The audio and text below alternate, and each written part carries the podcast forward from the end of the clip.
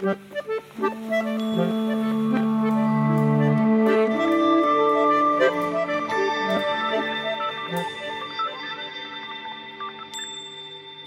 til podkasten Ytringsklima. Her snakker vi sammen om hvordan folk snakker sammen på jobb. Eh, gjest i dag er Ralf Husebø, som er tannlege. Velkommen til studio. Takk, takk. Jeg har invitert deg fordi jeg er nysgjerrig på ytringsklima på tannklinikken. Hvordan er det folk snakker sammen der? Hvordan er det de gir hverandre ja, motstand når det trengs, og hvordan er det de gir hverandre anerkjennelse og støtte når det trengs? Eh, og dette vet jeg at du har eh, gode erfaringer med. Så hva, hva, hva er dine første tanker om ytringsklima i tannklinikken? Jeg tenker at man må eh, skape rom for det, skape mulighet for det. Eh, og det gjør man jo gjennom tillit og, og, gjennom å ha tid til å snakke sammen. Eh, erfaringsmessig så kan det på mange klinikker bli lite tid fordi at det er veldig travelt. Eh, man har fokus på produksjon, eh, og da, da sitter man lite sammen og snakker om ting, og da kan det bli vanskelig å, å ha et godt ytringsklima. Nettopp. Så det gjelder å skape rom for å ha disse samtalene. Ja. Hva slags erfaringer har du med å skape det rommet? Hva, hva kan man konkret gjøre for å få til det? Jeg tenker noe av det, det som har vært viktig for oss, eh, det er jo at vi har sagt at lunsjen i utgangspunktet er hellig. Så vi setter ikke opp akutte pasienter i lunsjen, for lunsjen skal vi ha sammen. Da skal vi snakke om løst og fast, skal vi bli kjent med hverandre og hverandres familier, skal vi le litt sammen, og av og til kanskje også gråte litt sammen hvis det er noe trist som har skjedd. Og Det tenker jeg er viktig for at man skal ha tillit til hverandre for å kunne snakke om andre ting, og for å kunne utvikle eh, arbeidsplassen videre sammen. Nettopp. Så det Eh, det at lunsjen er hellig, det bidrar også til at det er lettere å snakke sammen i en profesjonell sammenheng? Ja, når man kjenner hverandre og har tillit til hverandre, så er det alltid lettere å snakke sammen. Da blir man kanskje ikke såret fordi man får en kritisk kommentar. tenker man ok, kanskje jeg kan gjøre noe med dette, istedenfor at man skal bli sur og lei seg. Eh, så, så, det å ha, altså kjenne hverandre godt nok så man har tillit til hverandre, det tror jeg er viktig. Og det kunne le sammen og, og, og, gråte litt sammen iblant. Eh, hvis man ikke kan det, så, så, har man kanskje ikke en arbeidsplass der man føler man kan ytre seg. Men det at uh, lunsjen er hellig, det syns jeg er spennende. Men uh, hva kan være grunnen til at ikke flere gjør det? Altså, er det fordi det, man kan tenke seg at det koster penger? Altså man taper uh, inntekter på det? Fordi man kunne hatt uh, mer aktivitet, innbringende aktivitet i lunsjpausen? Jeg tror ikke det er noen som bevisst tenker at jeg skal alltid ha pasienter i lunsjpausen. Men det er jo uh, altså Tannklinikker er veldig fokusert på produksjon. og dermed så, så, blir det sånn at man hele tiden fyller opp timeboken. Eh, og når det da ringer akutte pasienter, så kan det være at det ikke er noe ledig tid den dagen. Eh, og da blir valget mellom å sette de opp på overtid, og kanskje komme seint hjem til middag eller til unger eller andre avtaler, eller sette de opp i lunsjen, og det er mange som setter opp akuttpasienter i lunsjen. Eller jobber ferdig den pasienten de har før lunsjen, i lunsjen. Sånn at eh, tannlegen og teamlederen da eh, er den som kanskje er minst til stede i selve lunsjen, og det er viktig å være til stede der. Hvorfor er det viktig å være til stede der? Ja, det er igjen dette med ytringsklima. Ja. Eh, skal vi ha tillit til hverandre, så må vi snakke sammen.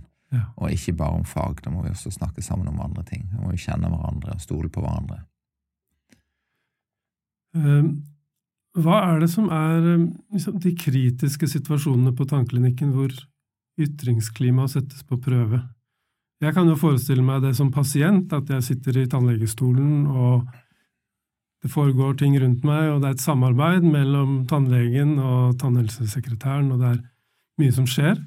Eh, men hva slags situasjoner er det hvor det blir testet ut om, om det er et godt ytringsklima der inne eller ikke? Altså det er jo kommunikasjonen mellom tannlege og tannlege, tannhelsesekretær.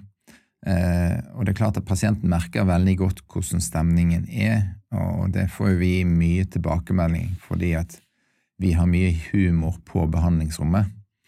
Eh, og, det kan godt være at sekretæren sier ganske eh, frekke ting til meg, eller omvendt. Men vi ler sammen, og pasienten ligger jo og humrer mens, mens, vi holder på. Og det gjør jo at pasienten slapper av. Så, så den dialogen mellom tannlege og tannhelsesekretær er veldig viktig.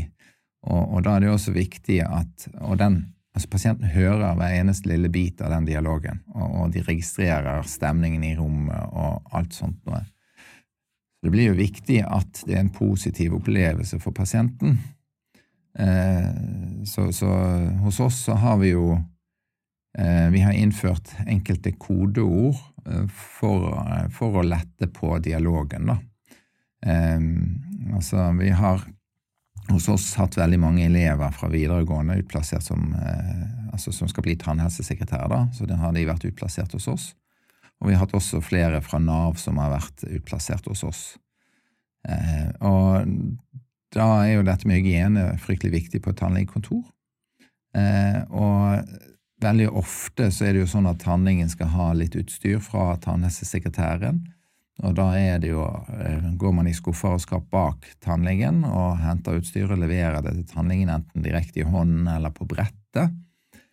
Og, og, i den situasjonen så kan det ofte være at man blir kontaminert, altså man kommer borti et eller annet. Og, og, da er det jo problematisk å gå tilbake igjen til de samme skuffene og skapene bak, for de skal jo alltid være rene.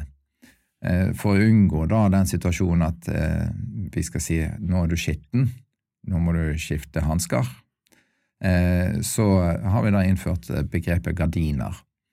Og det er klart, for en pasient å høre mens du ligger der og blir behandlet, at når du er skitten, så er det en litt sånn negativ eh, vibe. Altså, du vil oppfatte at nå er det noen som kanskje ikke har gjort jobben sin, men det er jo egentlig ikke det. Vi passer på hverandre eh, for å sørge at eh, alt er eh, på topp hele tiden. Eh, så derfor så sier vi da istedenfor gardiner. Og da vet hver, alle, alle som er på klinikken, vet at hvis du får gardina sagt, så må du bare stoppe opp og så tenke at kanskje jeg var borti et eller annet. Så skifter du hansker, vasker hender, og så er det good to go igjen. Eh, og Det gjøres jo med litt humor, da, eh, og det kan gå begge veier. Så det like, skjer like ofte at tannlegen får det mot seg som tannhelsesekretæren. Eh, og Da tar vi ting med et smil, og, og eh, pasienten føler jo fortsatt at det er gode vibber i rommet. sant? Hvis jeg var pasienten og hørte deg si gardiner, så ville jeg stussa fælt på hva du mente med det. Eh, men jeg syns det er kjempeinteressant, og, at det er en slags uh, av, hensyn til pasienten. At pasienten ikke skal uh, tenke at nå er det dramatikk her. Men hva ville du svart hvis jeg spurte deg etterpå? Hvis jeg sa jeg, jeg syns jeg hørte at du sa gardiner midt under behandlingen, hva var det som foregikk da? Da hadde jeg forklart akkurat hvorfor. Da hadde du gjort det? Ja. ja. ja. Du ville ikke prøvd å si at ja, nei, du hørte nok feil, eller? Ja, nei, nei, nei, nei. Da hadde jeg sagt akkurat hvorfor, så hadde vi ledd litt sammen av det. Ja, det, nettopp. Ja. nettopp. Det er veldig spennende. Um, men du har fortalt om et annet kodeord også som dere bruker? Ja, eh, det kom et par år senere, når GDPR kom eh, til Norge, for å si det sånn. Da hadde vi jo en full gjennomgang på klinikken. Eh, alt dette med at det ikke skal ligge pasientopplysninger framme, henvisninger på kriser, og også at du skal logge av arbeidsstasjonen hver gang du forlater den, sånn at det ikke skjer noe uautorisert tilgang til personopplysninger. da. Eh, og da var det jo de, de, første månedene så glemte vi det jo hele tiden, eh, så, så stasjonene ble stående pålogget eh, hele tiden. Og da er det viktig å ta det mens det er ferskt. For, for liksom få det på slutten av dagen, du glemte arbeidsstasjonen da, da, ja, men, da får du ikke endringen i atferd eh, på samme måten som hvis du får det når det er ferskt. da. Eh, så, så, det vi da innførte, det var pute. Eh, så da var det hver gang eh, noen fant en arbeidsstasjon som ikke var logget av, så, så logget man selvfølgelig av. Og så ga man beskjed til den som ikke hadde logget seg av, at pute på deg. Ja. Så da hadde vi i noen måneder der en ganske heftig putekrig på klinikken. da. Nettopp. Eh, og det var både morsomt, vi kunne le av det, eh, og det var jo om å gjøre å få færrest puter per dag. Eh, og det gikk ikke så lang tid før vi hadde ganske god forbedring. For da fikk du beskjeden ganske tett på eh, avviket, for å si det sånn. Og da kunne du tenke at ja, det var når jeg gikk derfra, ja, ok, det må jeg endre neste gang. Så, så da, da, hang det sammen med, med Du husket når det skjedde, for å si det sånn. Nettopp. Så det var en læring i Ja. dette prosjektet. Så nå har vi ganske få puter. Det hender fortsatt, men eh, det er ikke så mange puter lenger. Nei. Men gardiner eh, har du Ja, fremdeles? altså, Når jeg har mine faste sekretærer, så er det lite gardiner. Ja. Eh, Det hender jo fortsatt at man i overlevering kan komme borti og bare én merker det, men, men både sekretæren og meg er så drillet i forhold til hverandre at vi har lite gardiner. Så, så det blir nok mest brukt, eh, eller blir mest brukt i opplæringsøyemed. Så hver gang vi får inn noen nye på klinikken, så det er noe av det vi begynner med. Eh, og ufarliggjør det og sier ok, det er bare sånn at de alle skal bli så gode som mulig. sant? Eh, så er det jo der hele tiden, og det hender, men jeg vil nok si vanlige uker så er det ikke mange ganger det brukes. Men når vi har nye, så er det ganske mye brukt. Jeg tenker meg jo at eh, det er en slags ubalanse i forholdet mellom tannlegen og tannhelsesekretæren, og særlig når dere har folk på opplæring. Så eh, hvor krevende eller enkelt tror du det er for en eh, junior å si fra til deg at eh, Eller si gardiner til deg, da? Ja, det vil jeg nok tro kan være ganske krevende, for da Utfordringen da er at da kjenner vi jo ikke hverandre helt ennå. Sant?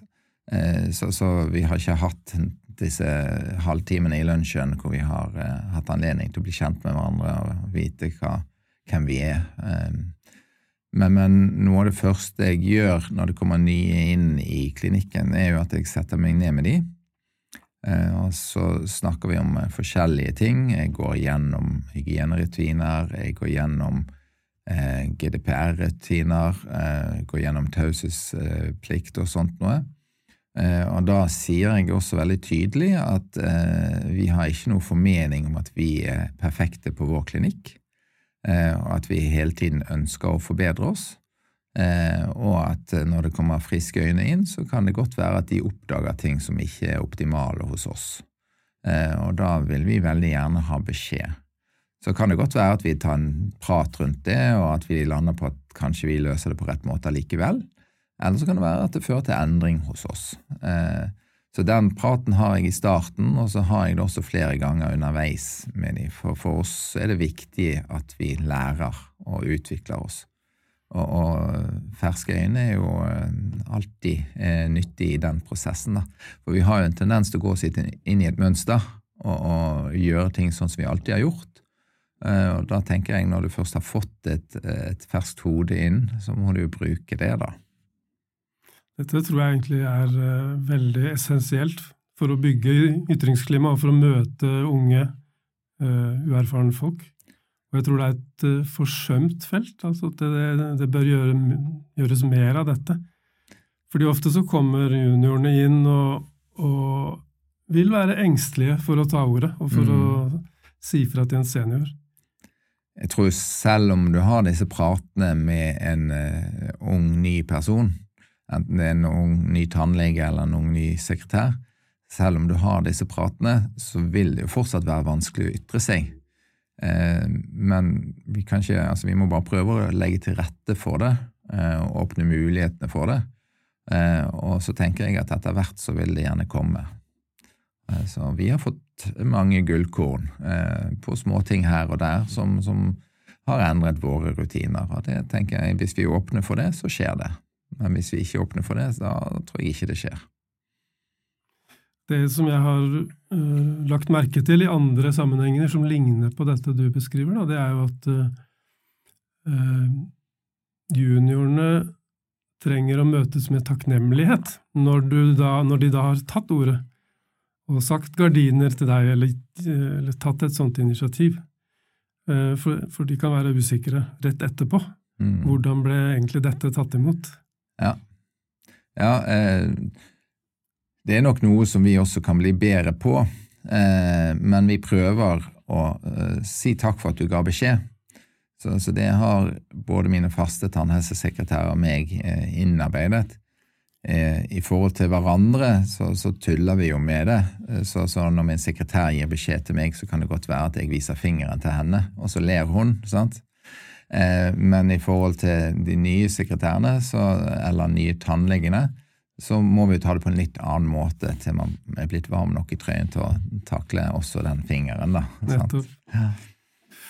Så, så, tøys og humor er en del av dette hos dere? Ja, definitivt. Ja.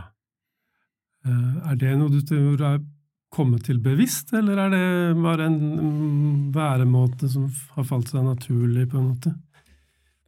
Nok delvis bevisst. Ja. Eh, personlig så, så syns jeg jo det, det, er lettere å Eller det er bedre å se muligheter enn å se problemer.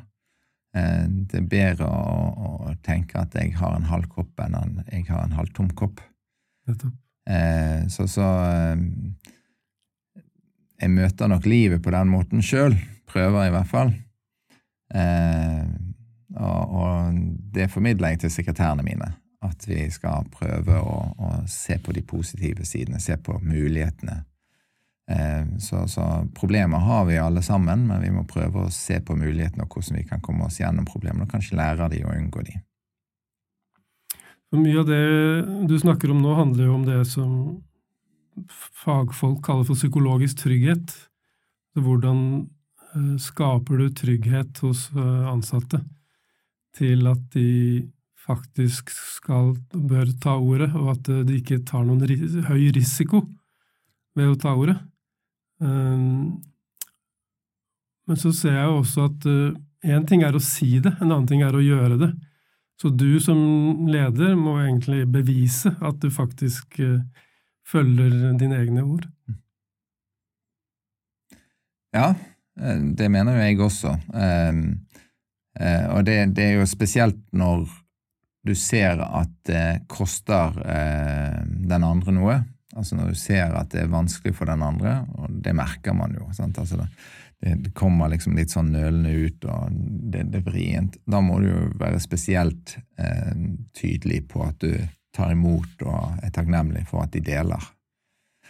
Eh, så, så, jeg tenker det er viktig å Altså, du må skape rommet, og så må du vedlikeholde rommet. Eh, for å ha den gode dialogen og ha muligheten til å bli bedre sammen. Nettopp. Ja, eh, litt tilbake til det du snakket om i begynnelsen, hvor du snakket om at på tannklinikken så er det gjerne travelt. Høyt tempo, eh, plutselig kommer det inn akuttsituasjoner. Hvordan er det å vedlikeholde den refleksjonen da, i, i sånne pressete situasjoner? man må sette av tid. Man må prioritere det. Altså, det å ha lunsjen sammen det er jo et absolutt minimum, tenker jeg. Eh, jeg vil jo oppfordre sterkt til kanskje sette av eh, mer tid.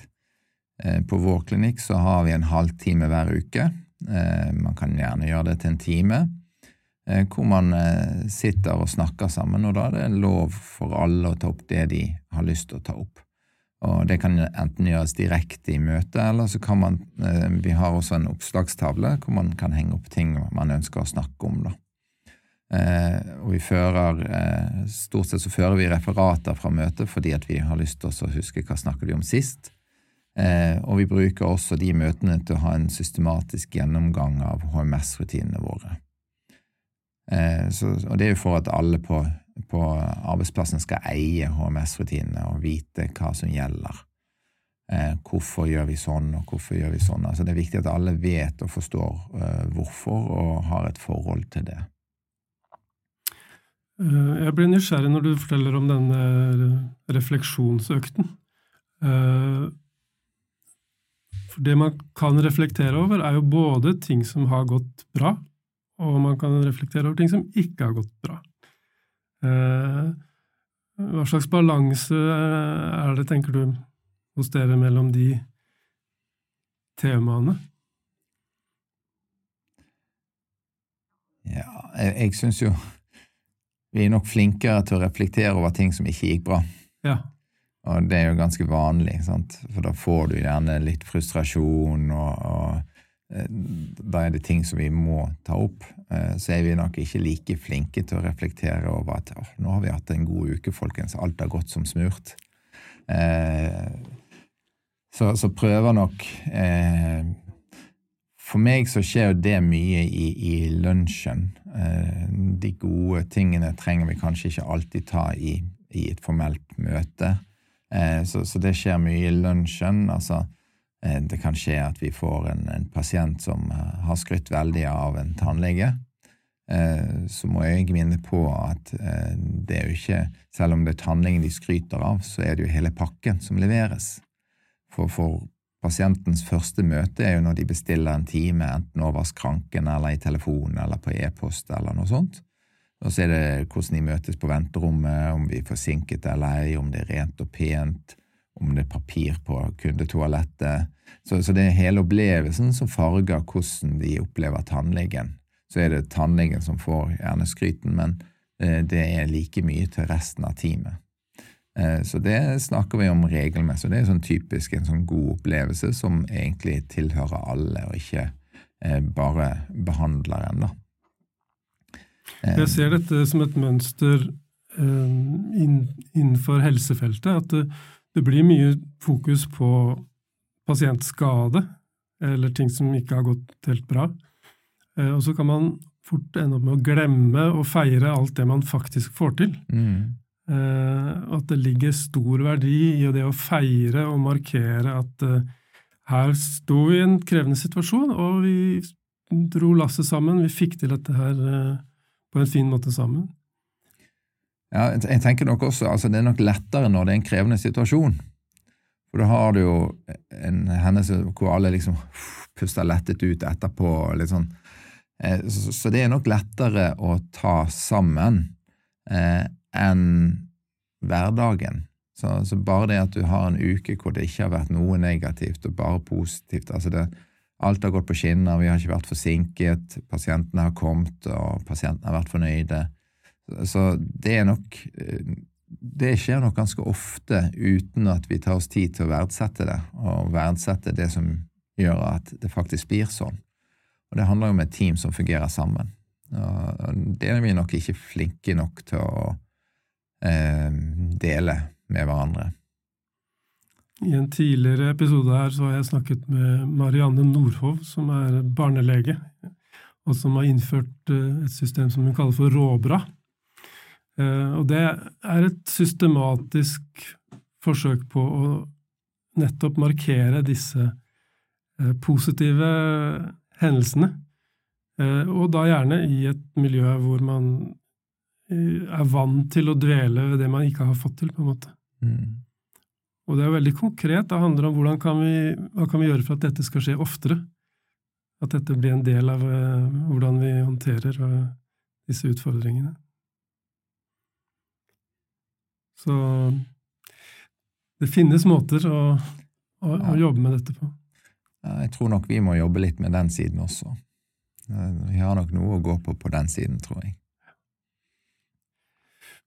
Men litt tilbake til det begrepet jeg nevnte med psykologisk trygghet.